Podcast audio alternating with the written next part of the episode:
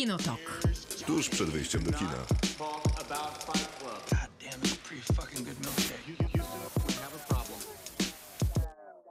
Krzysztof Majewski. Miłosława Bożek. Maciej Stasierski. W takim składzie przez dwie godziny do północy będziemy rozmawiać o filmach i serialach. Zaczynamy od absolutnej cesarzowej kina, czyli zaczynamy od Meryl Streep. Taki jest Potem będziemy temat. jeszcze kontynuować. Co najmniej godzinę. Prawie nie skończymy. nie półtorej. Bo czekają nas dwa filmy z tą wybitną bez wątpienia aktorką. Najpierw będzie Prom, czyli bal, czyli w zasadzie studniówka, a później będziemy rozmawiać o filmie Niech gadają Stevena Soderberga, więc taki podwójny filmowy zestaw z Meryl Streep, dwa razy w roli głównej, a na sam koniec będziemy rozmawiać o normalnych ludziach. To tytuł serialu, nie będziemy rozmawiać o normalnych ludziach, cokolwiek miałoby to znaczyć. Na sam początek Meryl Streep, bo to w robocie, a w robocie jak zawsze pojawia się w piątek na naszym Facebooku, na Kinotok Podcast. Zapraszamy do śledzenia, jeżeli chcielibyście wziąć udział w tej zabawie albo dowiedzieć się o niewiarygodnych newsach ze świata filmu i serialu i telewizji, to tam wszystko jest. Czasami. Czasami nie. A będziemy zaczynać, skoro mamy o Meryl Streep rozmawiać, to ja przygotowałem piosenkę, której nigdy nie spodziewałem się, że w Radiu Ram będę grał, ale co mi tam... Tam, tam też śpiewa Meryl Streep. Tak jest.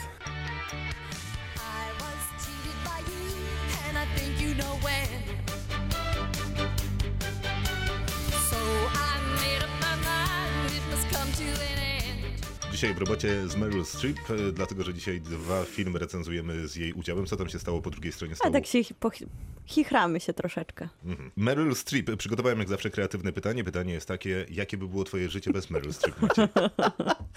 No pewnie bym się tak Oscarami nie zainteresował nigdy. A to Meryl Streep e, zachęciła cię do zainteresowania się Oscarami? To No będzie bardziej ona, wzruszający ona, jest, program. ona jest pewnie takim symbolem trochę Oscarów, bo jak, Osk- jak nie jest nominowana do Oscara, to jakby nie ma gali trochę. To jak Leonardo DiCaprio. No nie, ona więcej razy była W sensie, nominowana. że on nie jest, a, A, ona no tak. jest. Meryl Streep, 21 nominacji do Oscarów. To nie e, tak mało. przez karierę. No nie, nie mało. 33 Złote Globy, a głównych ról, e, na sprawdzałem się dzisiaj, jakoś tak 40 wychodzi. To niezła skuteczność całkiem. Niezła, zwłaszcza, że ma bardzo mało drugoplanowych ról, bo tam zaledwie około powiedzmy 15, bo gdzieś mogę się mylić. Ale za nie też była nominowana Tak, parę razy. dokładnie. Była, była. Mhm. Pewnie dzisiaj o tych filmach też będziemy trochę rozmawiać. Generalnie tych ról na swoim koncie mam mnóstwo, bo licząc Całkiem jeszcze, dobrych czasem. jeszcze jakiegoś No, narratora, coś takiego, to będzie z 70. Właśnie nie wiem, w sensie te role to one na pewno są dobre w Tylko większości. filmy są słabe, rzeczywiście. Tak. Potwornie. Ja, ja sprawdziłem taką ciekawą rzecz, bo przeglądałem te filmy dzisiaj i przeglądałem i wczoraj i przedwczoraj i zastanawiałem się, no, to, no nie, bo, przed- bo dużo No bo jest tych dużo filmów. ich w tym su- I sugeruje. I sprawdza... Nie, bo to jest tak, to jest tak Mhm. dwa, trzy filmy rocznie Tak, czasem. tak, tak, tak, Tak. Nie, no to jest naprawdę kawał kariery. Ale sprawdzałem wyniki finansowe tych filmów i później dokopałem się w internecie do czegoś, co nazywa się Numbers i tam można posprawdzać, I ile... co, słabo? Strasznie słabo. Hmm. Na przykład, jak porównasz zarobki filmów Michelle Pfeiffer, to ona, y, jej filmy zarobiły ze cztery razy więcej niż te, w których grała Meryl Streep. Zresztą, Ona zawsze takie hiciory zna... robiła, Michelle Pfeiffer. W sensie No miała tak, chyba Michelle dobrego, Pfeiffer, tak. dobrego menadżera i zawsze castingowana była do takich filmów, które robiły no duży, duży Ale, boom. ale wiesz, no nie powiesz, że Meryl Streep miała złego menadżera, skoro zdobyła 21 nominacji do Oscara i 33 do Złotych Globów. Myślę, że to swoją Oscary charyzmą. osiem chyba Myślę, że jednak Globów swoją charyzmą, a nie menadżerem to zdobyła. Nie, no może, E, e, ale to jest ciekawe jednak, skoro tyle tych nominacji Akademii jednej i drugiej y, nazbierała, no a no jakby niespecjalnie te filmy na tym zarobiły. Ale końcówka kariery chyba nie była taka najgorsza. W sensie ta Mama Mia dużo zrobiła rzeczywiście w jej Mm. kontekście box office'u. No 600 milionów. No to nie jest groszem. taki zły box office jak Nie, na nie, taki... nie, nie. Zwłaszcza, że druga zarobiła na 500. taką ramotę. No więc I Diabeł no, ubiera się u Prady, to też były Tak, bardzo dobre też. zarobki, bo też powyżej pół miliarda. E, I jeszcze, czekaj, bo gdzieś sobie zapisałem, co to było takie kasowe? A, to skomplikowane. Tak, ta komedia naprawdę? romantyczna? No. To i tak dobrze, tak dobrze finansowo To sobie zaskakująco poradziło? akurat. No, To to na, zasko- na, na pewno powyżej 250 milionów dolarów, a reszta, w zasadzie żaden z jej filmów, z jej udziałem nie osiąga tego e, pułapu z 200 milionów dolarów. No ale to się, ale jak to się, 50, jak to się 60. ten, jak to się połączy, to wychodzi dużo jednak pieniędzy. No tam za 2,5 miliarda. No właśnie, bo to tych filmów jest tyle, że rzeczywiście jest w stanie się to uzbierać. Jasne, ale na przykład Julia Roberts zarobiła ze 3,5 miliarda na swoich filmach. Michelle Pfeiffer y, prawie 6. No gratuluję. Ja nie mam wątpliwości, że Jennifer Lawrence na trzech filmach zarobiła więcej niż, niż Meryl. Streep na 73. No tak, ale zjawisko skądinąd dosyć e, ciekawe. Pytaliśmy jak zawsze, jakie jej role w serialach, filmach albo po prostu sceny lubicie najbardziej.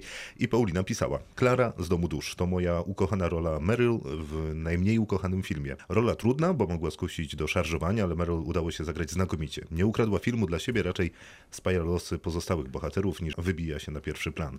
Nie wiem, czy jest inna aktorka, która mogłaby zagrać tę rolę, jednak lekko paranormalną, tak żebym jej uwierzyła. Dodatkowo reszta obsady nie pozostaje w tyle. To jest w ogóle niesamowite, że to był pierwszy głos, który, który się odezwał, Mhm. a to jest jeden z najgorszych filmów, jakie Meryl Streep nakręciła w życiu. Zaznaczmy, że Paulina zaznacza, że to jest najmniej ukochany film. A, no tak, ale naprawdę, to jest, i ona tam Też jest bardzo, zszokowana. i bardzo źle jest castingowana w tym filmie, gdzie gra jakąś, nie wiem, Hiszpankę czy kogoś takiego. Zresztą tam wszyscy są źle scastingowani, bo tam Ale krzyczą poczekaj. po prostu, wszyscy tak jak w Hillbillies Elegy. Dokładnie. Jeszcze tam gra też Glenn Dokładnie. Close, więc Wszystko się zgadza. No, ale wiesz, no Meryl Streep jako specjalistka do akcentów, to idealnie, żeby O, zagrała tę tak. hiszpańską, No tak. Skoro Ale je- grała po polsku, to może i po hiszpańsku. no ale to nie było dobre, naprawdę nie. W sensie polski Meryl Streep? Nie, nie, polski to był jeszcze tam do wybronienia, powiedzmy. Zresztą Akademii Filmowej chyba się bardzo spodobał, bo akurat za wybór Zofii dostała Oscara swojego pierwszego za pierwszy plan. Ale tutaj, no ten film też był taki Oscar baitowy i też właśnie dokładnie tak samo został, no nie wiem, strasznie dużo jest paraleli dotyczących tego filmu i tego, tego tej elegii dla bidoków. Poza tym, że te, te, Nie, nie, to tym- zostawmy. tematyką zupełnie się nie, nie, niespójne są te filmy, ale to też był taki atak na Oscary, który się rozpadł i prawie Złote Maliny się obił. Pewnie to nie jest jej najlepszy film, pisze Rafa, nie najlepsza rola Meryl Streep, ale to na pewno mój ulubiony film z jej udziałem, czyli Godziny.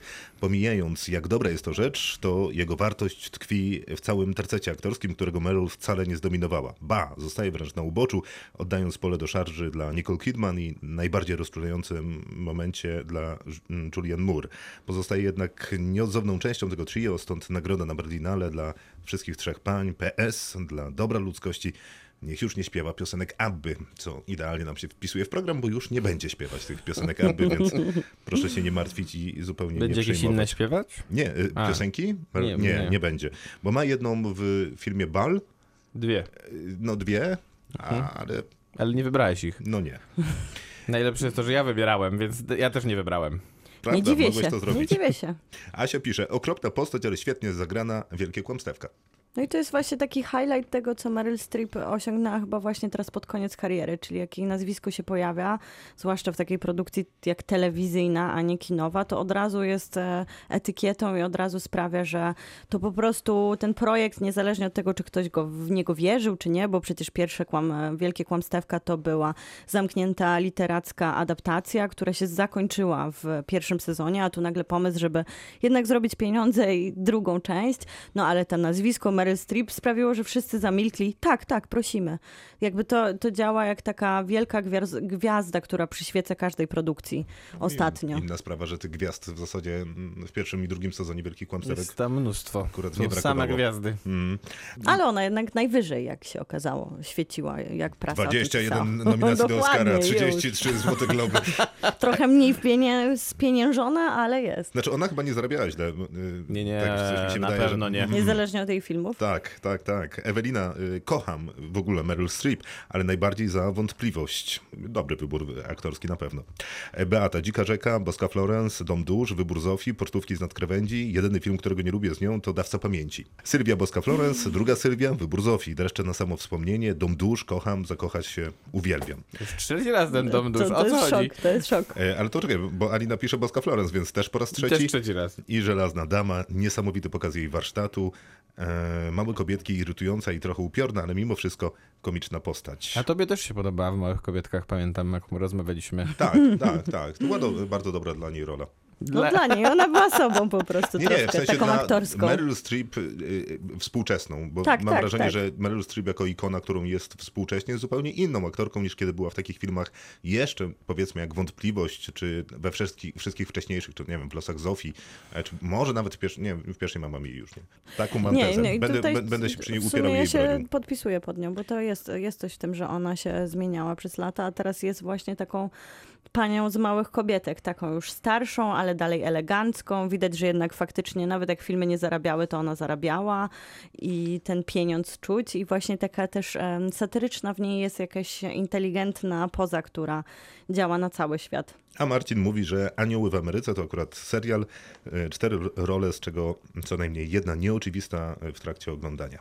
E, Anioły w Ameryce niezmiennie polecamy, bo to kawał Oczywiście. Tak, na HBO czekają zawsze. Marlena, to ja polecę mm, w stronę, kom, polecę, w sensie nie będę polecać, tylko polecę, że jak na skrzydłach w stronę komercyjną, ale naprawdę uwielbiam ją, w diabeł ubiera się u Prady, wyniosła i szykowna, do tego świetnie wygląda, prawdziwe guilty pleasure. Ja nie jestem przekonany do roli Meryl Streep w Diabeł ubiera się u Brady, bo faktycznie świetnie tam Serio? wygląda, ale tak... Kontrowersje, kontrowersje. To Nie, no tak w- prawie jakbyśmy o, o przyjaciele, przyjaciele by się pojawili na antenie. O, nie. nie, no bo w sensie zanim Anne Hathaway przyniesie jej, bo tam gra Anne Hathaway, Tak, Tak, tak, tak. Emily To Blunt. zanim Tak. Anna Hathaway przyniesie jej tą kawę, y, po którą ją, wyślę, no to tyle mniej więcej Meryl Streep pewnie zajęło przygotowanie się do tej roli. No i co? No nie, no nic, no w sensie, okej, ale pff, ja wiem, takie pff, a, pff. Y, A jako, że dzisiaj o musicalu Prom będziemy rozmawiać y, bal za moment, z Meryl Streep też, to Maciej przygotował muzykę z musicali różnych. Będzie teraz przypominał sobie, co to powybierał. To jest z musicalu Hair, piosenka Hair.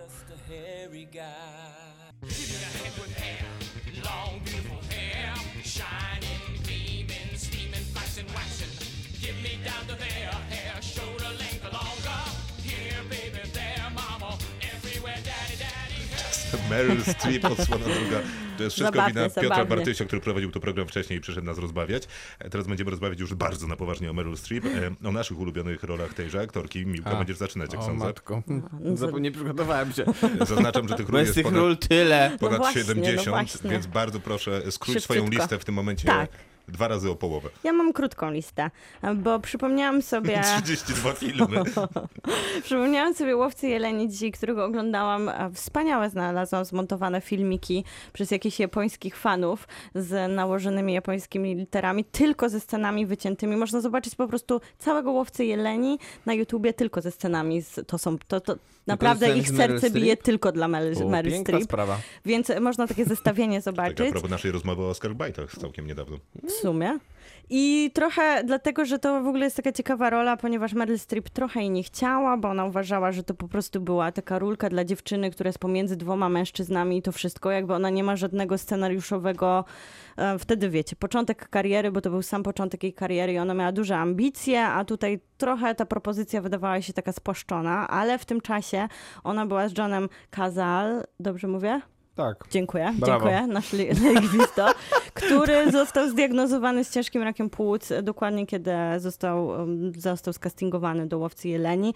I trochę też ona została skastingowana dlatego, żeby oni byli razem. On, podobno jest taka Ona legenda, tak, że ona na go planie. doglądała i on też no, nieszczęśliwie umarł, w umarł. trakcie produkcji.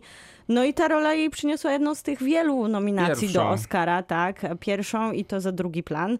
I co ciekawe, właśnie to była taka rola, w której ona niesamowicie błyszczy i jakoś ograła to, że sama na początku mówiła, że to jest taka prostolinijna rola dziewczyny między dwoma mężczyznami, a niesamowicie mm, tam gra. A mój jest jeden z moich ukochanych filmów, w którym gra Meryl Streep. Jest to ze śmiercią jej do twarzy, O który Boże, mam na kasecie wideo. pożegnanie z Afryką i miałem po prostu strzelcę w głowę. Nie, nie, nie.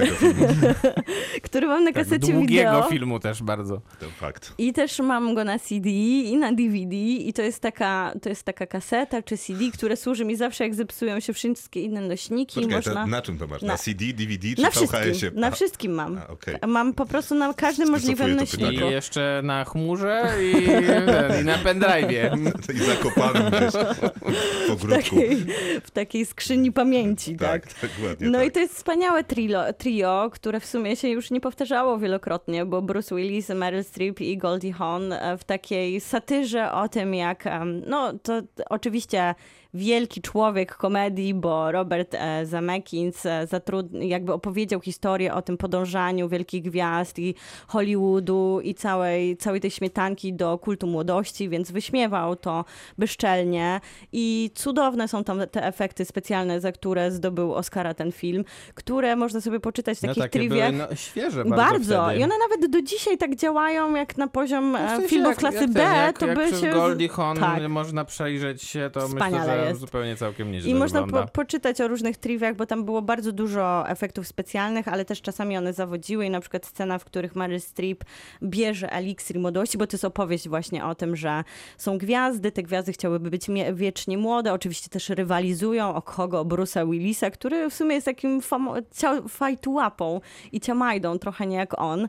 I te dwie kobiety biją się o niego i każda z nich znajduje eliksir y, młodości od wspaniałej Izabel, e, która jest Dobrze, ale co się dzieje, jak wypija ten eliksir młodości? I jej Jest piersi rosną.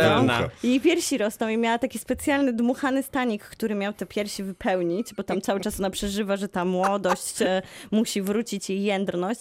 No ale to nie zadziałało i okazało się, że Mary Streep miała strasznie dużo swoich asystentów i oni stali za nią i ręcznie tą A scenę to jest ciekawe w tym filmie, bo to jest, to jest jeden, z, jeden z ciekawszych przykładów, bo Meryl Streep nie jest akurat, aktu, a nie jest znana z tego, że poprawiała sobie cokolwiek i mm, y, nie nadużywała nigdy operacji plastycznych i ten film był pewnego rodzaju chyba dla niej wyzwaniem, żeby pokazać, że ma jakiś tam dystans do swojej, Mhm. do bardziej do środowiska, którym, którego Który w sumie jest już wtedy, już wyśmiewa. wtedy była ikoną I trochę. tak, ale który też wyśmiewała właśnie Bardzo przez udział uwaga. A w co ten tam u ciebie, Maciej? Dziękuję. film. A ja tylko na koniec chciałam wspomnieć o głosie. Ona ma wspaniały głos, sama o tym mówię, że ona przecież udzielała poza nagrodami, które zdobyła, to przecież też udzielała się. I fantastyczny pan Lis to również Meryl Streep, a niewiele tam kobiet głosów udziela. To oczywiście Wes Anderson, jego animacja o lisach, które starają się przetrwać. Na podstawie z- wspaniałego Ronalda Dala. E, Dokładnie. Maciej.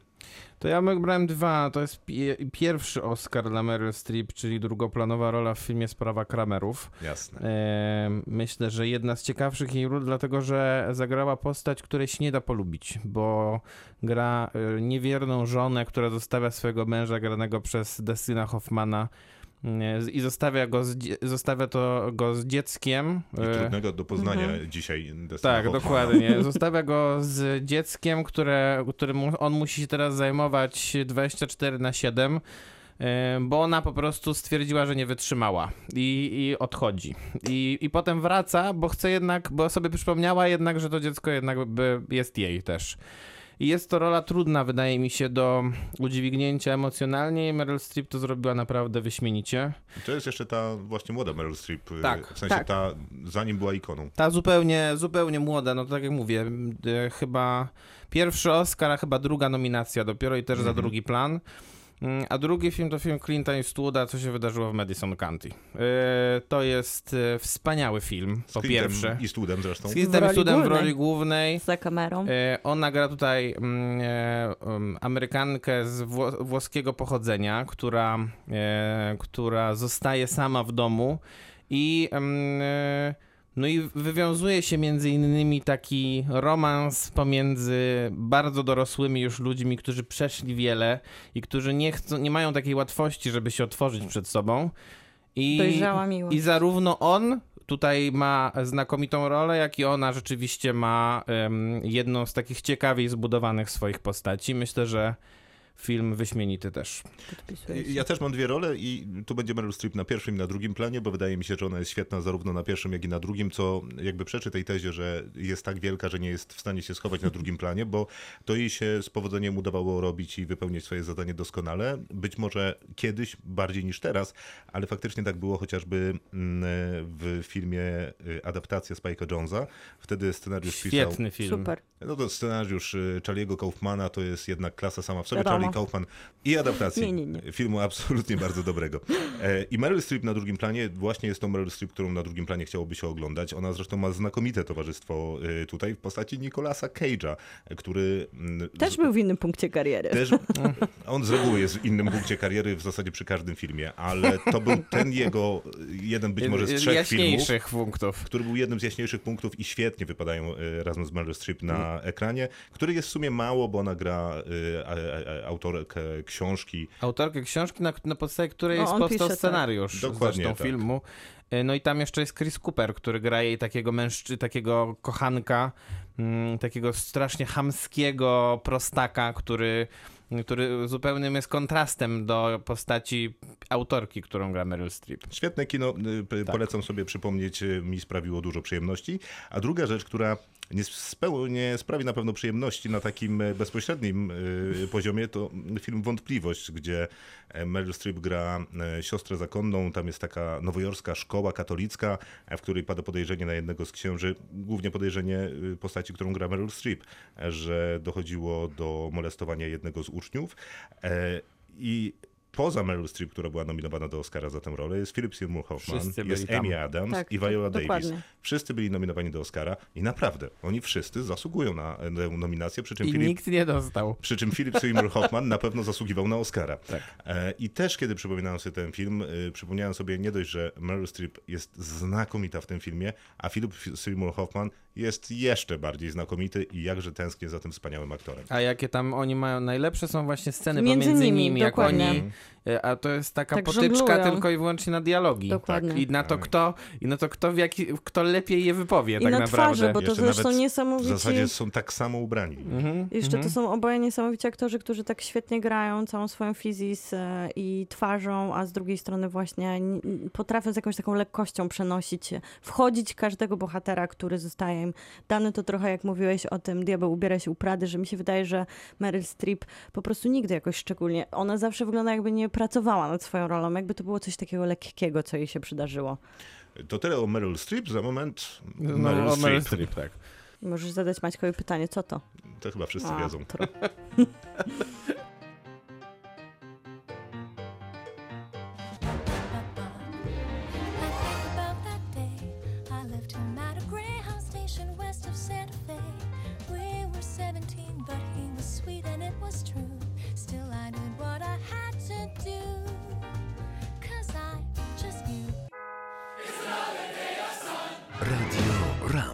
To jeszcze dorzucę tylko dwa słówka, zanim zaczniemy rozmawiać o balu, czyli o prom, bo Aldona dopisała jeszcze, że bardzo trudno wybrać ten naj, jeżeli chodzi o Meryl Streep, ale pewnie pożegnanie z Afryką albo Żelazna No Dama, jednak. a może Diabeł ubiera się u Prady.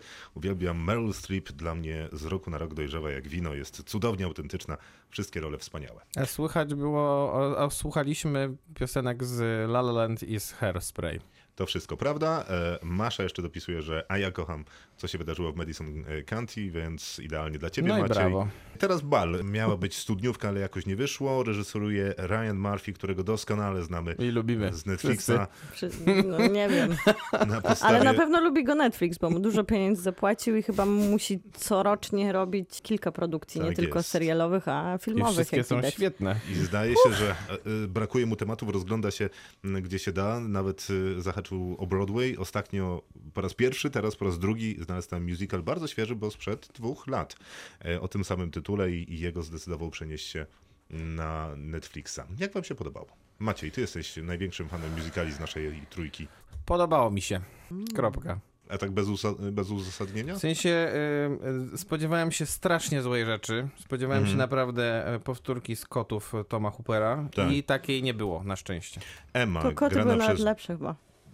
Nie, no bez przesady. Przynajmniej były tam jakieś kuriozalne, dziwne rzeczy, które sprawiały, że czasami myślałeś sobie, co tu się dzieje. I można było pogadać tak, i później było można było dziwne? pośmiać się albo wypunktować dane sytuacje. Emma, czyli główna bohaterka grana przez Jo Ellen Pellman, która zresztą jest debiutanką w I jest pełnometrażowym. nieakceptowalna. Gorsza. To prawda? Akurat. Jest lesbijką. Nie może pójść na tytułowy bal właśnie przez to. Balczy studniówkę, bo mieszka w Indianie, a tam ludzie dranie i wolą odwołać imprezę niż mieć zabawę dla wszystkich. Trwa sprawa w sądzie, ale w międzyczasie dziewczynę zdecyduje się wesprzeć obsada musicalu, które właśnie zaliczył klapę, więc jadą do Indiany wspierać dziewczynę. Obsada utytułowana, ale potrzebująca dobrej prasy, więc na plecach Emy chcą wrócić na deski.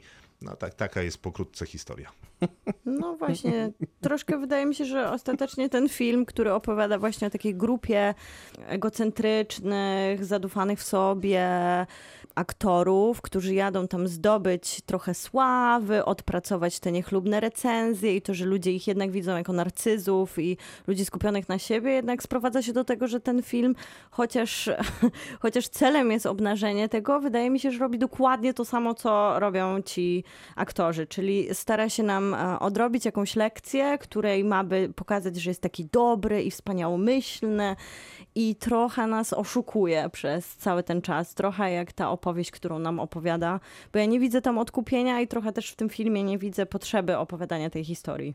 Bawił mnie tam jeden moment, kiedy ta ekipa mm, musicalu przyjeżdża na taką radę rodziców, kiedy dyrek- dyrektor i szefowa takiego rodzicielskiego komitetu dyskutują o tym, czy, należa, czy to dobrze, że organizujemy studniówkę z wyłączeniem pewnej grupy, czy źle. No i wszyscy rodzice mówią, że tak, dobrze, nie chcemy homoseksualistów na naszej studniówce, o Boże, jak to wspaniale. I wpada właśnie ta ekipa musicalu i jeden z nich mówi, hej, jesteśmy grupą liberałów z Nowego Jorku, przyszliśmy załatwić tu pewne sprawy. Całkiem mnie to, całkiem mnie to bawiło, ale jednocześnie trochę się zgadzam z tym, że ta grupa liberałów to pewnie ci, też ci aktorzy, którzy stawiają jakąś e, tezę, która w zasadzie jest niepotrzebna do postawienia. Być może wydarzyła się taka historia gdzieś w Stanach Zjednoczonych i to jest oczywiście... Raczej nie.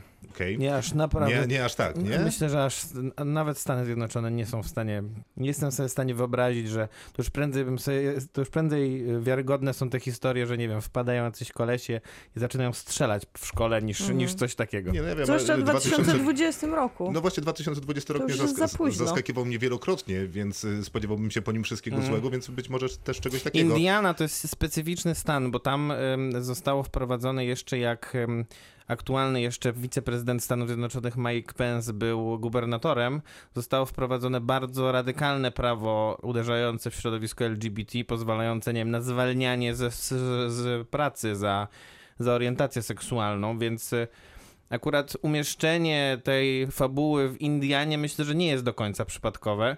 Natomiast generalnie jestem w stanie się zgodzić z tym, co wszystkim, co Miłka powiedziała, tylko nie jestem do końca w stanie się zgodzić z tym, że taką postać właśnie wykorowano wokół, wokół samej Meryl Streep, bo ona jest aktorką, która wydaje mi się jest jednak znana z tego, że jest dokładnym przeciwieństwem swojej postaci którą gra tutaj, czyli tej Didi Allen, bo ona nie jest raczej aktorką, która, która by, by, by jakby, jakby była w hotelu, to by wy, wyciągnęła wszystkie swoje Oscary, żeby dostać ten, żeby dostać ten największy apartament prezydencki. Tam akurat wyciąga nagrody Tony. To czyli- nagrody Tak. Tony wyciąga, bo ona jest aktorką broadwayową największą w historii świata.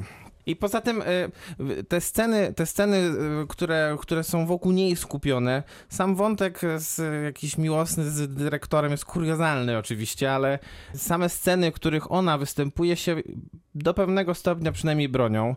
Wydaje mi się, że bronią się też sceny w większości przypadków, w których występuje Nicole Kidman. Ona jest zdecydowanie, z, zdecydowanie niewykorzystana w tym filmie. To jest zdecydowanie najlepsza rola Nicole Kidman przez ostatnie tygodnie, czasu, tak. bo trochę nie rozmawialiśmy też przy okazji Tak. tego czy innego filmu Bo czy ona serialu. w końcu prze- przełamuje ten impas e, jednak takiej lalki, którą e, no, na przykład w ostatnich serialach HBO, e, czy w Szczygle w sumie miała Dużo tam takie... mieliśmy ról Nicole O, Kidman, takie nie? właśnie Tak, tak, wyłączone emocjonalnie, trochę zagubione postaci, gdzie tutaj w końcu widać, że w niej jest życie, że ona, tutaj, że tutaj ona ma scena, iskrę. scena, scena z Nicole Kidman, w której ona jakby po- poprzez piosenkę tłumaczy głównej bohaterce, y, jak powinna podchodzić do życia i opowiada o tym, że powinna mieć ten zaz, czyli jakąś taką energię.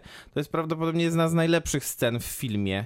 Bo Więc- Jest też możliwe, że to jest jedyna dobra scena w tym Tak, filmie. właśnie, I jest też dziękuję. możliwe, że jest to jedyna dobra piosenka w tym filmie, który jest musicalem i Mhm. śpiewa. Mimo, że podobają mi się aranżacje, wydają mi się nawet bardzo fajne, bo są wszystkie żywe, takie z zazem. Ale, Ale aranżacje piosenek, tak? tak, tak, tak. No ale na przykład aranżacja tej piosenki, w którą Meryl Streep otwiera jakby swoją, na tej, na tej scenie, o której opowiadałeś, Mhm. jest bardzo żywa i bardzo taka energiczna Tak. ta, ta no aranżacja. zaz. I Meryl Streep też potrafi ją wyśpiewać, bo ona nie, nie jest, zł, nie, nie, nie śpiewa wcale źle. Nie, Ale ja nie mam takie też wybitnie, wrażenie- ale nie śpiewa źle. Ale Ja- chciałem skończyć myśl tylko, że mimo, że aranżacje mi się podobają, to piosenki, piosenki są są fatalne. słabe, tak. W sensie te teksty Tak. są beznadziejne. Beznadziejna. Ale ja właśnie do tej sceny z Nicole Kidman chciałam wrócić, że mi się do końca właśnie nie podoba, jak jest za dużo. To jest właśnie taki Ryan Murphy. Wszyscy tańczą, musi być wielkie centrum handlowe i do końca wydaje mi się, że to nie działa już. To jest takie Nie glina no, poczekaj. Broadwayu. Puszczaliśmy La La Land, w którym I- tańczy cała Ale tam autostrada. naprawdę wszyscy świetnie tańczą i to dobrze wygląda, a tutaj wydaje mi się, że to właśnie jest gli przeniesione na ekran mm, i to mogłoby zadziałać może w serialu, ale tutaj nie, to mi się wydaje nie brzydkie. To mi się wydaje brzydkie i to, to co już było i trochę nie, nie na czasie się i ta scena, w której mamy Nicole Kidman, w- ona jest taka intymniejsza. Faktycznie widzimy, jak one tańczą, faktycznie są przynajmniej w końcu jakieś emocje, to nie jest tylko odgrywanie, jakiegoś odhaczania kolejnego na kartce zapisanego celu do poprowadzenia tej fabuły. Tam się przynajmniej coś wydarzyło, a takich scen jest e, praktycznie nie istnieją one w e, tym filmie. Zwłaszcza jeżeli on jest budowany na debiutantce, która No nie. no jedynym Znaczy nie, elementem niesienia tej historii to jest jej wieczny uśmiech Wydaje albo mi, się, że, tragedia. wydaje mi się, że jednak głównym problemem jest to, że ten film nie jest zbudowany na tej postaci, tylko jest zbudowany na postaci Jamesa Cordena, który nie powinien nigdy występować w żadnych filmach. Mimo, że jest świetnym e, prezenterem e, Naprawdę, swojego programu. tak. Naprawdę Tak, jest znakomity, nap- naprawdę jest kiepskim aktorem. Natomiast On też tak jest bardzo naprawdę krytykowany teraz największym problemem tego filmu jest to, że mimo, że zabiera się za jakiś temat, jakiegoś wykluczenia i chce się na, jego, na ten temat wypowiedzieć, to wydaje mi się, że ta jego wypowiedź Jest żadna. durna po prostu. Tak niepoważnie, że zupełnie zbędna. Więc mam taką tezę, że ja- w zasadzie nie wiem, dlaczego my robimy ten film Bal, dlaczego o nim rozmawiamy, bo absolutnie na to nie zasługuje. Mam taką Ja wiem dlaczego. drobną propozycję. Nie róbmy więcej tutaj na tej antenie filmów i seriali Ryana Murphy'ego, no bo naprawdę facet sobie nie radzi. To jest film, który omawiamy, żebyś chwycił po swoje tak naprawdę em, listę wstydu, której nie wykonałeś i zobaczył Carrie, która po latach ciągle o niej myślałam oglądając prom, bo to jest faktycznie historia o dojrzewaniu, to jest faktycznie historia o bowlingu, to jest historia, którą można nawet po latach oglądać dziś Okej. i ciągle czekałam na ten, Obejrzę. na ten Tylko tą em, wersję wiadro, De tak, oczywiście. Tak, tak, oczywiście. na to wiadro krwi, które tutaj się nie pojawiało, ciągle dostawałam tym wiadrem brokatu i się dusiłam, i dusiłam, i dusiłam. Gdybyśmy kogoś przekonali, to mm, ten film można zobaczyć na Netflixie. Kinotok. Film. Czas na drugi film dzisiejszego wieczora. Będzie to film, Ale ocenimy najpierw ten bal. masz rację, y, no to ja 2 na 10. A ja jeden na dziesięć. U, A ja pięć. skąd wziąłeś to 5? Z worka dobrych ocen.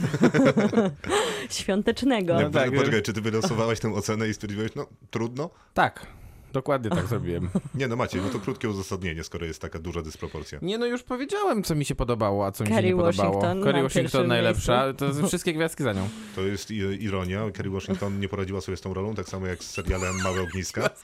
Poradziła sobie z rolą, to mało powiedziane, powiedziałbym, a nie miała żadnej roli do zagrania, więc generalnie to duże, duże, duże osiągnięcie. Musisz trochę pobronić tego filmu. Po skoro bronie, pięć. więc y, już mówiłem, będę go bronił za te dwie osoby. Za Meryl Streep i za Nicole Kidman. No okej, dziękuję. A będziemy rozmawiać o Niech gadają y, Stevena Sonnenberga, które trafiło na HBO Max w ramach też takiego większego A u nas dealu. Go. E, Tak, u nas Go. W ramach takiego większego dealu, ale z HBO Max, bo Steven Soderbergh, tak jak e, chociażby David Fincher teraz jest przypisany Czy do Ryan Netflixa, Murphy. czy Ryan Murphy, e, tak Soderbergh jest przypisany do HBO Max i będzie Ale wcześniej był na. Netflixie, jeszcze rok temu. Tak, to I to kręcił film też z Meryl Streep, który te- był Ale fatalny. ro, robił dla nich serial dla HBO już wcześniej, więc on tak chyba skacze między Nie, nie, ale teraz się stacjami. porozumieli. Nawet HBO Max robi cyfrową rekonstrukcję jego wcześniejszych filmów, które O. będą tam sukcesywnie trafiać. Na w końcu pewno ma będzie być to tam pandemia, nie? Jak się nazywa cała ten film? biblioteka. To się nazywa, e, e, to się nazywa Epidemia Strachu. Epidemia strachu. Na pewno, na pewno Na będzie. pewno będzie. I parę innych filmów pewnie też. Pewnie Ocean's Eleven e, tam trafi, czyli chyba największy hit tego akurat reżysera. Super słynna autorka książek, którą gra Meryl Streep, wybiera się na wycieczkę takim wycieczkowcem. Queen Mary 2. Ale tak, to jest taki wielki wycieczkowiec, y, basen i wszystko co I dobre. kasyno i wszystko. Statek rejsowy. Tak jest, a płynie po to, żeby Odebrać wygłosić nagrodę. i wygłosić tam mowę, to oczywiście Ale nagroda też, żeby się literacka, zjednać ze swoimi przyjaciółkami sprzed lat. a jednocześnie chciałaby odwiedzić grup takiej swojej literackiej inspiracji przez lata i oczywiście pojednać się z koleżankami, które zabiera na pokład, to takie koleżanki sprzed lat i zabiera swojego siostrzeńca, bratanka, Siostrzeńca, bratanka. no coś. Nephew. Nephew. Angielsko jest Zabiera łatwiej, bo nie nephew. wskazuje, czy to od siostry, czy od brata.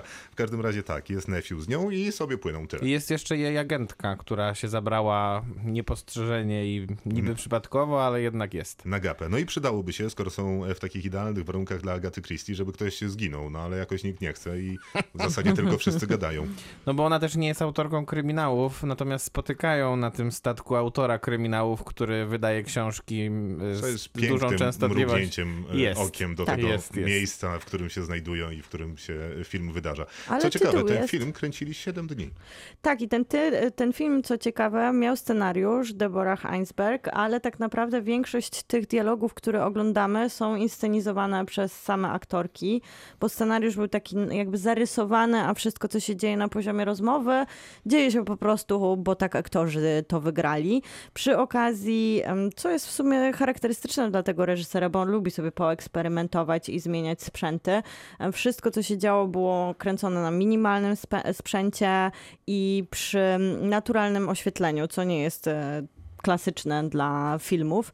Więc i oni faktycznie Dlatego płynęli Queen. Mary 2. Mm. Tak, dokładnie, dlatego jest czasami. I oni faktycznie na tym pokładzie spędzili ten czas wspólnie, tworząc film, ale też tak naprawdę właśnie w tym trio przyjaciółek spędzając czas i, Ale i rozmawiając przy stole. Spędzając czas ze wszystkimi innymi, którzy byli na pokładzie, bo rejs Tak. odbywał się na normalnych zasadach, a przy okazji kręcono tam film. Co ciekawe, Soderbergh przyznawał w wywiadach, że część z ludzi, którzy byli na pokładzie, nie zorientowali się, że akurat w czasie, kiedy oni rejsowali, kręcono Że tam to film. Co mi dużo mówi e, na temat tego, jak wyglądają takie rejsy wycieczkowcami, że o, leżę na leżaku. No, Co to Ale jest? bo możliwe, Nawet nie wiem, możliwe jest że te kamera. statki są też takie wielkie, że część ludzi po prostu nie ma dostępu do Na drugie drugich piętro, trzecie piętro. Statków. I tak, tu miałbyś rację, gdyby nie fakt, że ekipa zaproponowała y, pasażerom statku wystąpienie w tym filmie, A. czyli jak potrzebowali jakieś tam sceny, gdzie widać jakichś innych pasażerów. Na przykład jak ona wygłasza Się swoje albo- przemówienie, tak? albo jak w się tej gubi. sali, gdzie musi być dużo ludzi. Tak, to, to, to byli ci pasażerowie, którzy zdecydowali, "Pff, okej,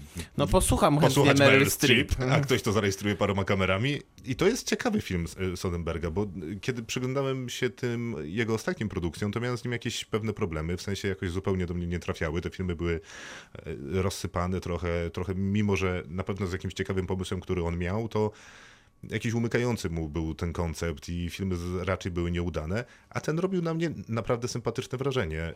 Kojarzył mi się w jakiś sposób, między innymi z Ocean's Eleven, być może trochę przez ten tempo i dzielenie tego tempa na to, co, co się dzieje szybciej i to, co dzieje się wolniej, na taki pacing, a jednocześnie nie wiem, wydaje mi się, że Soderbergh dobrze się czuje w takich y, przestrzeniach, które są powiedzmy, że bogate. Y, czasami jest to kasyno w Ocean's Eleven, tutaj jest taki, no raczej ekskluzywny jest ten, No raczej tak. ten, Tak. ten, ten rejsowy, coś tam. Ja mam-. Rejsowiec. Rejsowiec. no. Rejsowiec. Dla mnie jakby, ja, mi się dobrze spędzało czas z tym filmem, natomiast mam problem z nim taki, że on powinien jednak być krótkometrażowy. Wydaje mi się, że nie ma za bardzo materiału, żeby nakręcić film, Ale e, to który może trwa przez to, że godzinę nie ma 50 scenariusza. minut. Jak bardzo to są wyśmienite aktorki, bo, z, bo poza Meryl Streep to też są, jest Diane Wist, która też jest laureatką Oscara, Candice Bergen, która jest bardziej znana może z telewizji, więc y, to są takie aktorki, które, które każdy tekst i każdy scenariusz potrafiłyby sprzedać solidnie i tutaj też to robią, bo, bo te sceny, których one rozmawiają są bardzo ciekawe. To nie są sceny, przy których one rozmawiają, to są sceny, przy których grają w Scramble i Albo rozmawiają. na przykład, tak, dokładnie. Albo Ale jest coś takiego, że widać taką luźną energię między bohaterkami, niewymuszoną, którą widać e, z, jako projekt, który powstał, czyli że oni się tam spotkali, te rozmowy wynikały od nich i są takie momenty, że wydaje mi się, że ja jako widz e, nie jestem do końca zarażona tą energią, bo ona się tylko dzieje między nimi i trochę jest zarezerwowana dla tego stolika, więc ja się czuję jak taki podglądacz, Nie że siedzę na tym statku tak i słyszę, że takie trzy eleganckie panie mniej lub bardziej, ale z taką energią rozmawiają. Trochę się czuję, jakby mnie podglądała, ale to nie jest moja rozmowa. Ja nie zostałam do niej zaproszona. A z drugiej strony bardzo przyjemnie się ogląda ten film, zwłaszcza teraz w tych pandemicznych czasach. Ten jacht, ta taka lekkość, e, która się Rejsowiec. pojawia, rejsowiec, przepraszam, e, daje taki, taki odpoczynek. Zwłaszcza, że ja miałam em, niesamowitą nieprzyjemność najpierw zobaczyć prom, a później od razu zobaczyć Let Them Talk. Czyli w zasadzie I- ze statku na statek. Ze statku, albo ym, bardziej, w- no dobra, nie, już nie będziemy, nie Niezwykle sucha metafor. wypowiedź. I, I to był jak oddech. I w ogóle jest e, to taki rok, e, kiedy oglądamy sporo nieudanych filmów i ten może nie jest jakoś wyjątkowo udany, ale też nie jest n- nieudany w ten taki sposób, który spotyka właśnie taką elegię dla widoków, czy szczygła, Tak, takie tak. wielkie nieporozumienie z, Ale z drugiej ogromnym castingiem, Strony... ale jest, no proszę. Dziękuję. No Bo z drugiej strony brakuje mu jednak trochę takich e, punktów, które są mocno podkreślone w scenariuszu, czyli Tak. żeby to była jednak taka Tak. opowieść o czymś, a nie opowieść o rozmawiających ludziach przy stoliku, Mhm. mimo że to jest bardzo miłe, a już relacja Gemmy Chan z Lucasem Hedgesem wydaje mi się wyjątkowo interesująca tutaj, w sensie jest bardzo taka, no bardzo naturalna, on jest taki No, bardzo super nieśmiały, wypada. a ona Bardzo jest... dobry. Lucas Hedges właśnie. Wspaniale Mhm. wypada. tak. Ej, Jakiś- zauważyliście, I dlatego że jest mówiłem o tym, że ostatnio- jakby to trwało 30 minut, to nic by nie stracił ten No film. może. No nie. Ale gdyby z kolei dopisać do niego jakiś kawałek nieco Jakiś większej kawałek wątku Tak, tak, fabularnego historii, po prostu jakiegokolwiek, scenariusza. Jakiś, No bo niby tam intrygi. jest, że Tak. jest ta klamra, że ona wsiada na statek Tak. i wiemy, co się wydarzy na końcu, przez to to się trochę bardziej układa i że ona pójdzie odebrać nagrodę, a po drodze się, faktycznie przeżywa jakieś Tak, tam musi odkupienie u tych ko- koleżanek. No, niby tak, niby jest jed, jedna koleżanka też chce zdobyć, e, też na siłę szuka mężczyzny, który będzie miał pieniądze. Co jest ciekawe. Ale to jest nawet fajnie druga, poprowadzone. Druga ewidentnie, ta, ta trzecia tak naprawdę chyba jest najciekawsza, bo ona, bo ona jest tak bardzo zafascynowana tym pisarzem e, kryminałów, że jest niemalże zawstydzona tą jego obecnością. Ale też ona jest wspaniała pod względem takiej złożoności, którą nie dostajemy, bo poznajemy tą bohaterkę, bo my o- praktycznie nic o niej nie wiemy, ale ona też e, przez swoją fizis, przez taki spokój, ona się zawsze wypowiada w taki bardzo ułożony, spokojny sposób. Wygląda na taką e, naprawdę ustatkowaną kobietę, ale ciągle wyciąga ze swojej przyszłości jakieś smaczki, Tak, które że- są seksualnymi No, podbojami, które dokładnie, dodają jej że- takiego super pazura. To jest bardzo ładny pomysł. z jakimś tam nauczycielem i jego kimś żoną. tam, nie? Okej. Co jest, co jest właśnie, dla, dlatego trochę żal mi tego filmu, że nie ma więcej scenariusza, żeby rozbudować te sytuacje, które są e, całkiem nieźle tutaj zarysowane, czy właśnie ten pisarz kryminalny, który tam się tak od niechcenia pojawia i dodaje tego, tego smaczku. Tylko, że właśnie wydaje mi się, że tych improwizowanych rozmów jest trochę za dużo i ten mm, tytuł jest tutaj, który mówi po prostu niech mówią, niech mówią, niech Ale- mówią, sugeruje takie momentami trochę odklejenie. Tak, tylko że, tylko że tak jak mówisz też, kilka tych scen jest w stanie zbudować jakby nasz nastrój pozytywny, bo jest jeszcze na przykład scena, w której ten bratanek czy siostrzeniec y, Nephew. przedstawia, e, opowiada o tym, że no miał teraz, miał zawód miłosny tak naprawdę, tak? I rozmawia z Meryl Streep i ona, i ona przedstawia taką jakąś poradę na życie, w jaki sposób można sobie z tym radzić, jak, y, jak, bar, jak warto jednak nie poddawać się w tym, żeby dążyć do, do takich, ym, do, do kolejnych jakichś sytuacji, które będą, które może w końcu doprowadzą do tego, że znajdzie tą jakąś tam miłość w swoim życiu. No to też jest takie bardzo urocze, wydaje mi się. To jest, tak. mnóstwo uroczych y, scen i wydaje się, że większość I niestety... zabawnych I zabawnych, ale większość wydaje się być na statku, bo kiedy z tego statku zsiadają, to jakby trochę też film siada. Tak. mimo, I pojawia się ta tam się muzyczka. pojawia, która- mimo, że pojawia się chyba więcej pomysłów scenariuszowych i jakby taka próba domykania tego filmu i łączenia wątków, żeby to się w coś splatało.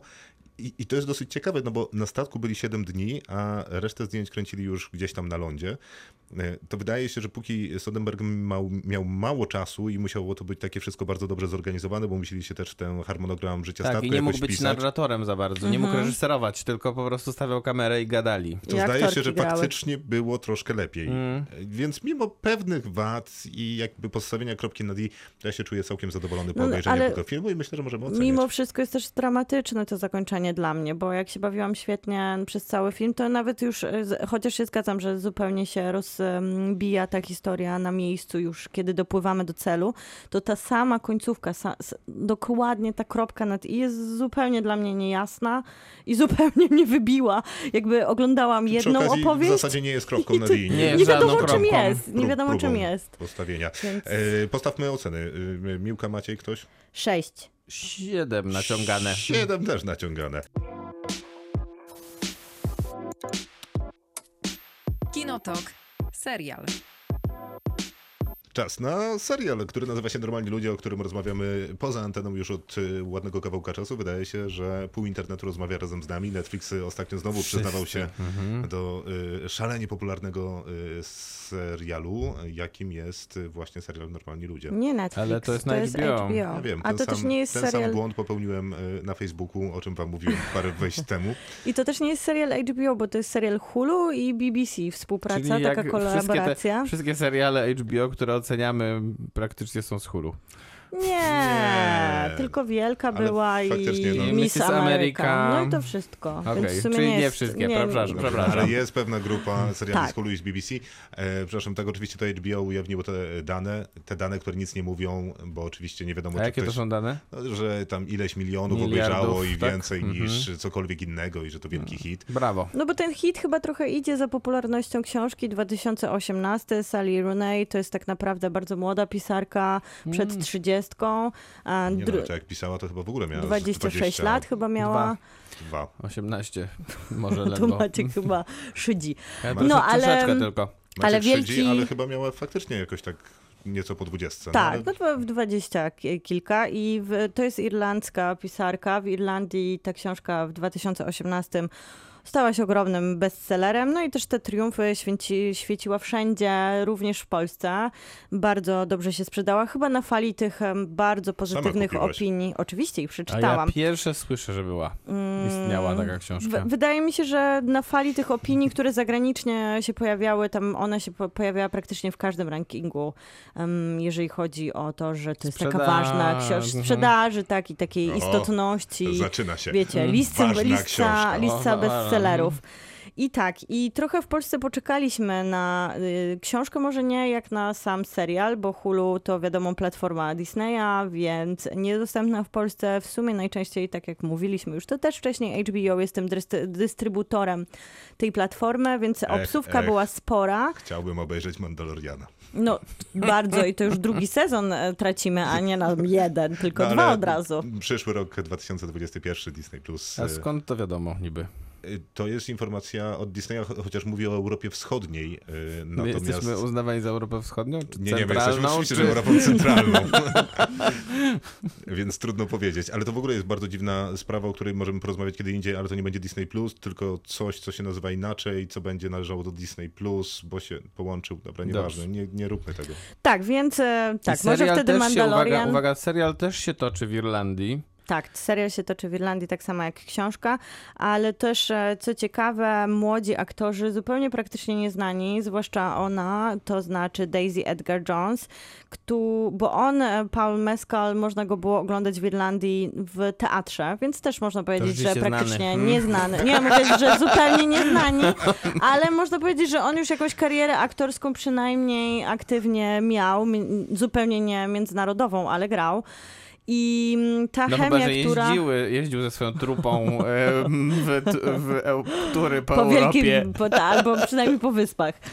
I tutaj m, czytając wywiady z Lenem Abrahamsonem, który jest reżyserem połowy, bo tutaj taki klasyczny trochę ostatnio zabieg, że reżyserowie i showrunnerzy się dzielą troszeczkę pomiędzy sobą. Chciałbym zaznaczyć, Aktor- że z Lenem Abrahamsonem mam najbardziej nieudane zdjęcie, jakie kiedykolwiek ktokolwiek mi zrobił. Zrobił je Michał Hernes. O, nie, Którego- on To powinien musiało mieć być- swojego musiało być bloga. najgorsze zdjęcia, no, ale Pozdrawiamy. pozdrawiam. Pozdrawiamy.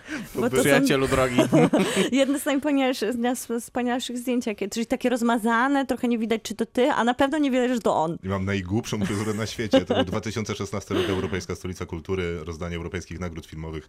A, E, Wtedy reżyser był we Wrocławiu. był Tak, nominowany za w- Pokój. Pokój, Tak tak? Dokładnie. I on nakręcił część tego sezonu. Nakręcił I- tę pierwszą tak, część. tę pierwszą część. I on też właśnie uczestniczył w castingu i opowiada, że z jednej strony to był główny cel ich, żeby skastingować zupełnie nieznane osoby, jako taki pomysł, żebyśmy ich nie czytali przez ich wcześniejsze role, ale też najważniejsze było, że oni się- byli castingowani w kiedy odczytywali tą rolę, żeby ta chemia między bohaterami była autentyczna. I on mówi, że między właśnie Ale Mascalem, myślisz, Edgar że, Jones... a, a że ci, ci znawcy irlandzkiego teatru to nie mieli jednak takiej, takiej wizji, że ten Paul Mescal na przykład jak grał tego Hamleta, to on, to on jednak tutaj się sprzedał do tej telewizji. Ja na pewno myślę, że oni wiedzieli, że on się sprzeda w telewizji. Dokładnie, no bo to no. ładny chłopak jest. W Irlandii zdobył serce niejednej fanki i na świecie to działa.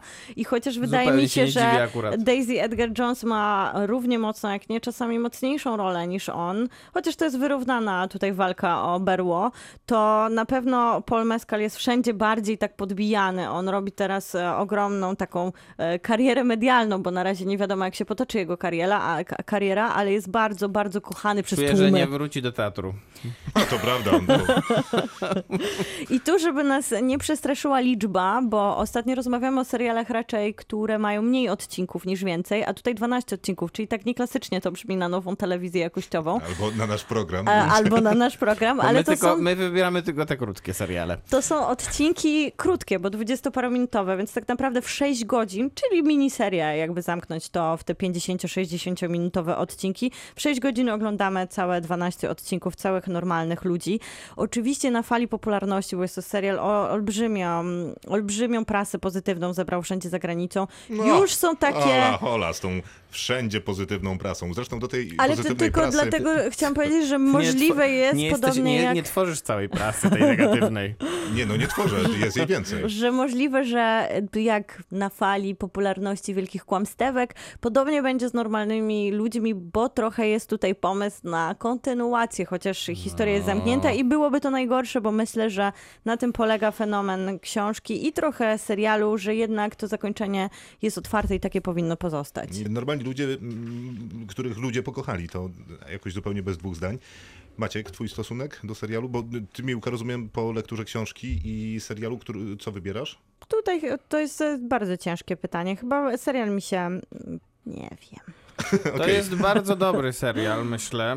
Problem z nim mam jeden, mianowicie zupełnie nie kupuję historii. W sensie jest ona dla mnie, może nie do końca, nie że jest niewiarygodna z jakiegoś powodu, jest dla mnie kompletnie odległa. Nie jestem w stanie w ogóle wczuć się w emocje, które, które serial nam chce przekazać, ale wiem, że robi to dobrze.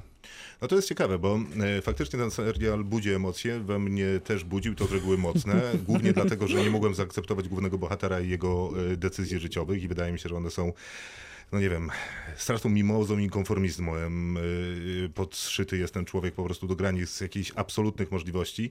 Jeżeli są tacy ludzie, a jeszcze później czytam Na w internecie, pewno są. że Na to pewno są są. ludzie nieśmiali, to muszę powiedzieć, że użyłbym znacznie mocniejszych słów niż nieśmiał w stosunku do tego człowieka, zwłaszcza w tych y, pierwszych odcinkach, w których y, jest tam taka niemożliwa miłość między tą dwójką, bo ona jest z bogatego domu, on jest takiego niekoniecznie y, bogatego, oboje są bardzo utalentowani, ale nie mogą być razem w tej swojej szkole, ponieważ to by było jakieś Bo takie to byłoby faux pas. odrzucone, tak, przez, przez towarzystwo. Tak, tak. Czego zupełnie nie mogę zrozumieć. Jak najbardziej atrakcyjna dziewczyna e, w To szkole, która obraża nauczycieli, jest bogata i stawia innym ludziom w pubach, może być niepopularna. To, to naprawdę jest dla mnie Może być- absurdalnie niezrozumiałe i z mojej edukacji wynika, że to są ludzie, którzy są najbardziej popularni. Może być niepopularna, bo... chłopcy się jej boją i obawiają, bo jest, no imponuje im intelektualnie, ale z drugiej strony może ich pokonać, a niczego bardziej się nie boi młody człowiek, jak być wyśmianym. Ona nie mo- ona co ona to, robi ona cały czas. punktuje każdego Więc prostu, każdy chłopiec każdemu- jest od razu w tym momencie niezainteresowany każdy dziewczyną, która dokładnie. między nogi. No Poza tym jej status Jest zresztą społeczny najbardziej też... e, interesująca z osób y, w tym serialu i- w tej szkole. E, No ale dobra, zostawmy to, bo jakimś takim innym problemem tego już, y, jak ja biorę, y, odczuwam ten serial i jak ja go interpretuję, to jest oczywiście, każdy ma jakby do wzięcia samemu, ale ten sposób opowiadania, który wybiera, czyli no, to, to o czym mówiłeś, ten problem z brakiem zaangażowania emocjonalnego być może wynika z tego, że ja nie rozumiem, dlaczego ten serial musi być taki zimny. W sensie jest nakręcony w takich tonach, że przez pierwsze trzy odcinki naprawdę byłem przekonany, że to nie, nie będzie jednak historia o takim nastoletnim zauroczeniu, tylko okaże się, że to nastoletnie zauroczenie to jest tylko dodatkowa część historii o tym, że ktoś kogoś zamorduje tutaj.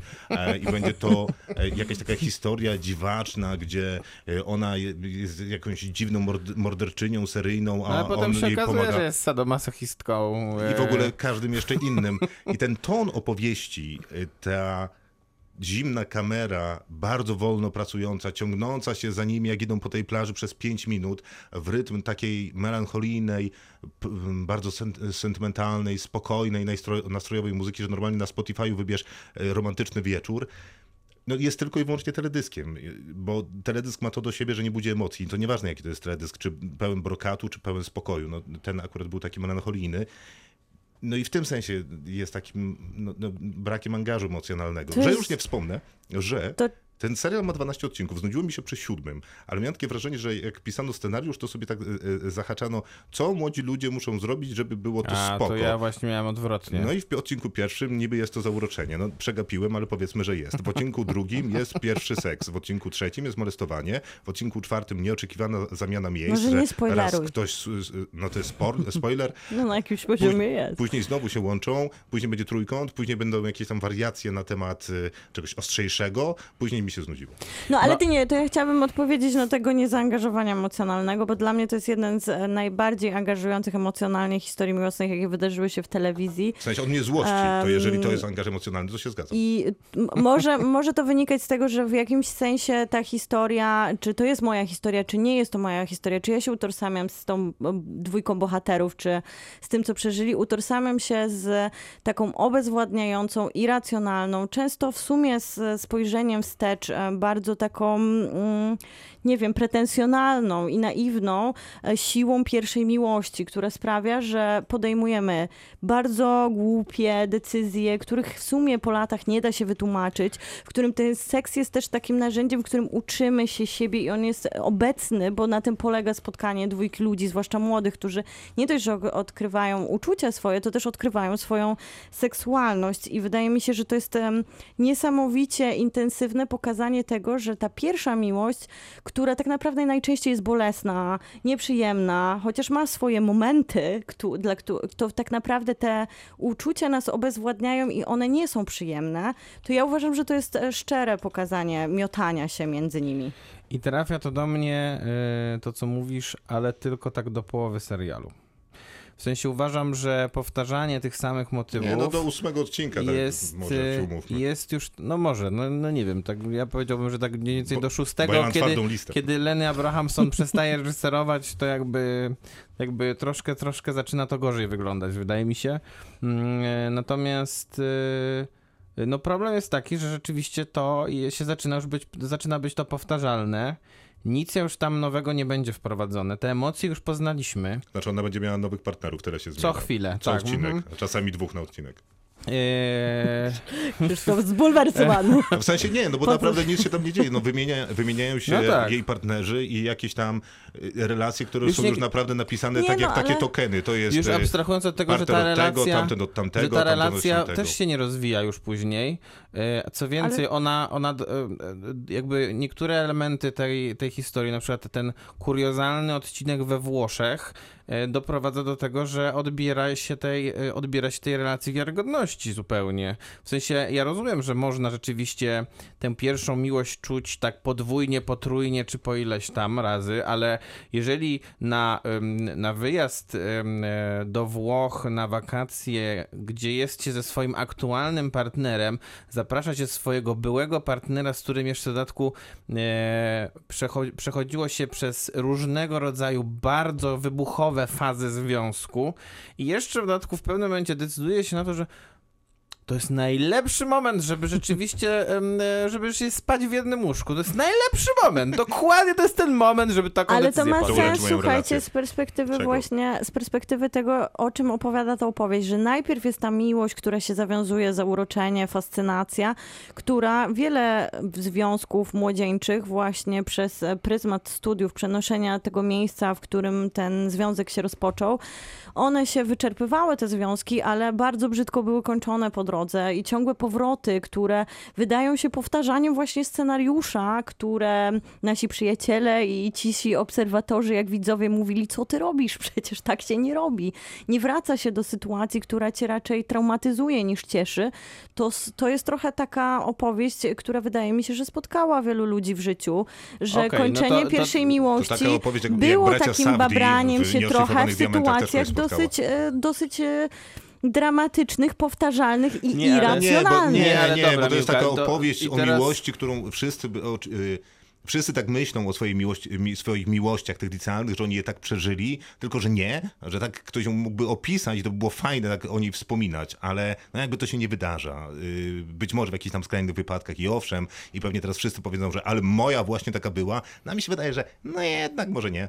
No właśnie mi się wydaje, że bardzo dużo ludzi powie, że je, ich miłość taka Znaczy, to była. dużo nam się wydaje. A z no to drugiej prawda. strony to nie ma znaczenia, czy ktoś tak powie, czy nie, bo mnie przekonuje ta opowieść, nawet jeżeli o wyobrażeniu tego, jak wyglądała moja młodzieńcza miłość i nawet jeżeli to nie do końca jest spójne z moim związkiem, z moją historią, z związkiem moich przyjaciółek i przyjaciół, to nadal jest to spójne z moim wyobrażeniem emocjonalnego chaosu, który przeżywa najpierw nastolatek w liceum, a później człowiek, który męczy się w, na Tak. studiach, nie dość, że ze Ale no zderzeniem dobra, ze światem, tylko, z że to jest- tylko, że jest z tego nowe, można wyciągnąć-. Tylko, że z tego można wyciągnąć takie podsumowanie, że to jest serial dla jakiegoś takiej, jakiegoś takiej skrawki tylko społeczeństwa, która jeszcze w ogóle pamięta te, te emocje, albo jest w stanie je w jakiś sposób odtworzyć. Jeżeli ktoś, nie wiem, em, jest po 40, to już nie powinien w ogóle się zbliżać do tego serialu, Bo dla bo, niego. bo się odbije zupełnie od niego. Jak Nie. ja się odbiłem, a nie jestem po 40 bynajmniej, tylko,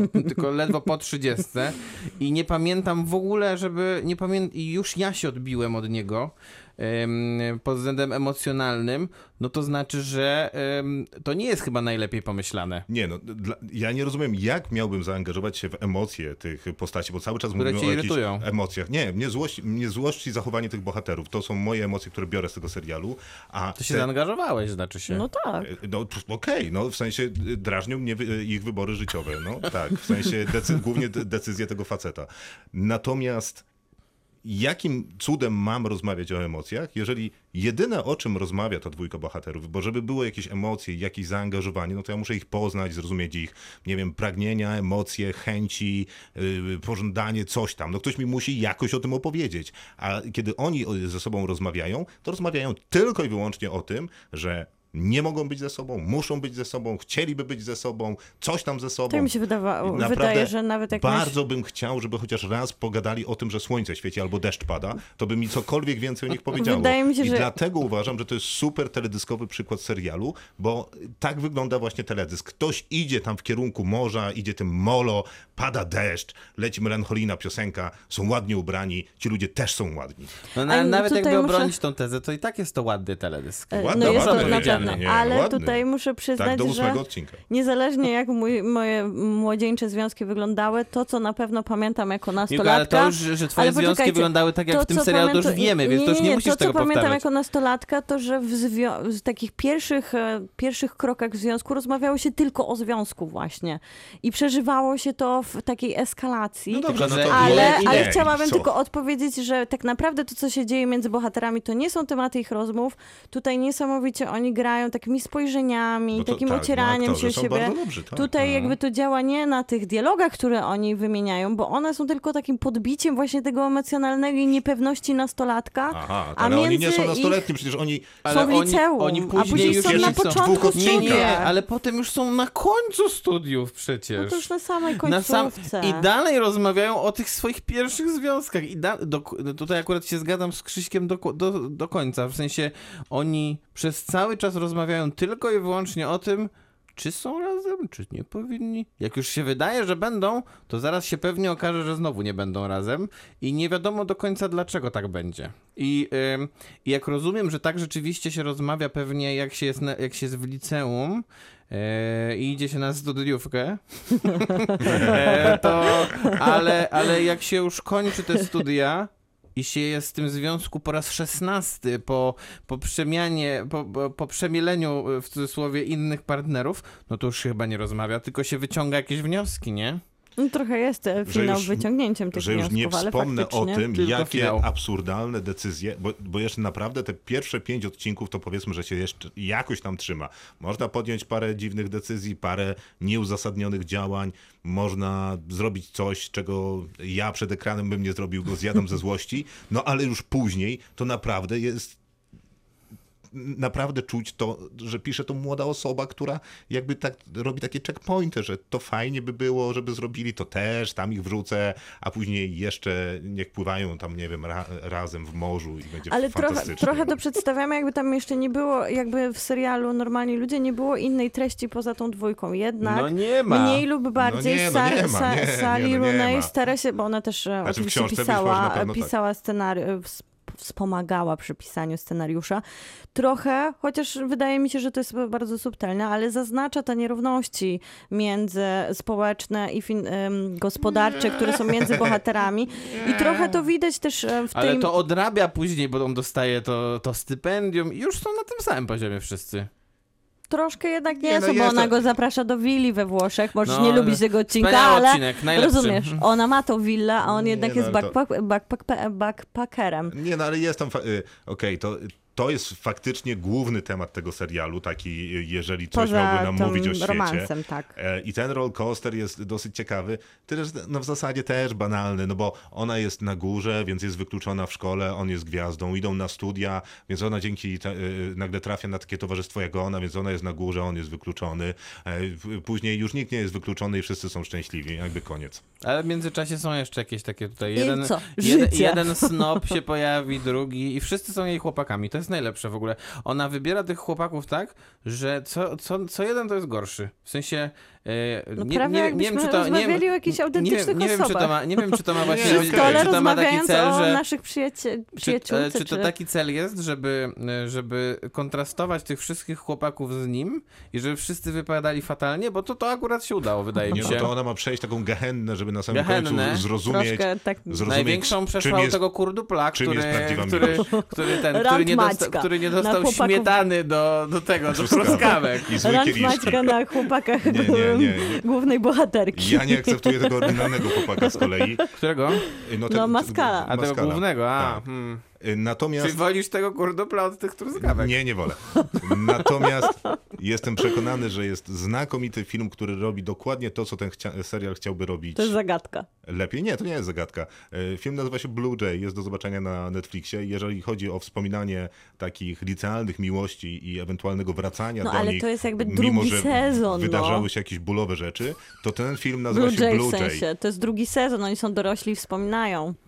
Okej, to proponuję zacząć od drugiego sezonu. Chociaż ja wiem, że i tak wszyscy kochają ten serial, ale to, że budzi emocje z jego siłą. Będziemy oceniać, prawda? Ale trzeba też przyznać, że tu jest niesamowita chemia między bohaterami. Jest, jest. I aktorzy To są świetni. I aktorzy są fantastyczni.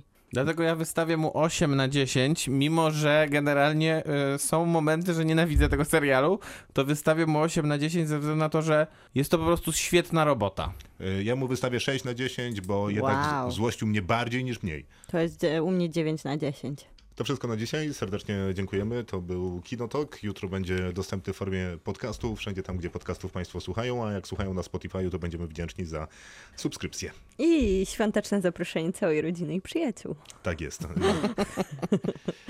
tak właśnie będzie. A w przyszłym tygodniu będziemy podsumowywać rok filmowy i serialowy. Ale się będzie działo. Tak jest, więc y, dwie złote dziesiątki w zasadzie... Y, nawet y, sześć. Nawet sześć, dokładnie. Ale pewnie wiele filmów nam się będzie pokrywało, seriali pewnie też, pewnie nie wszystkie i pewnie na miejscach pierwszych będzie różnie. Pewnie Krzysztof nie umieści na swoje dziesiątce Normal People.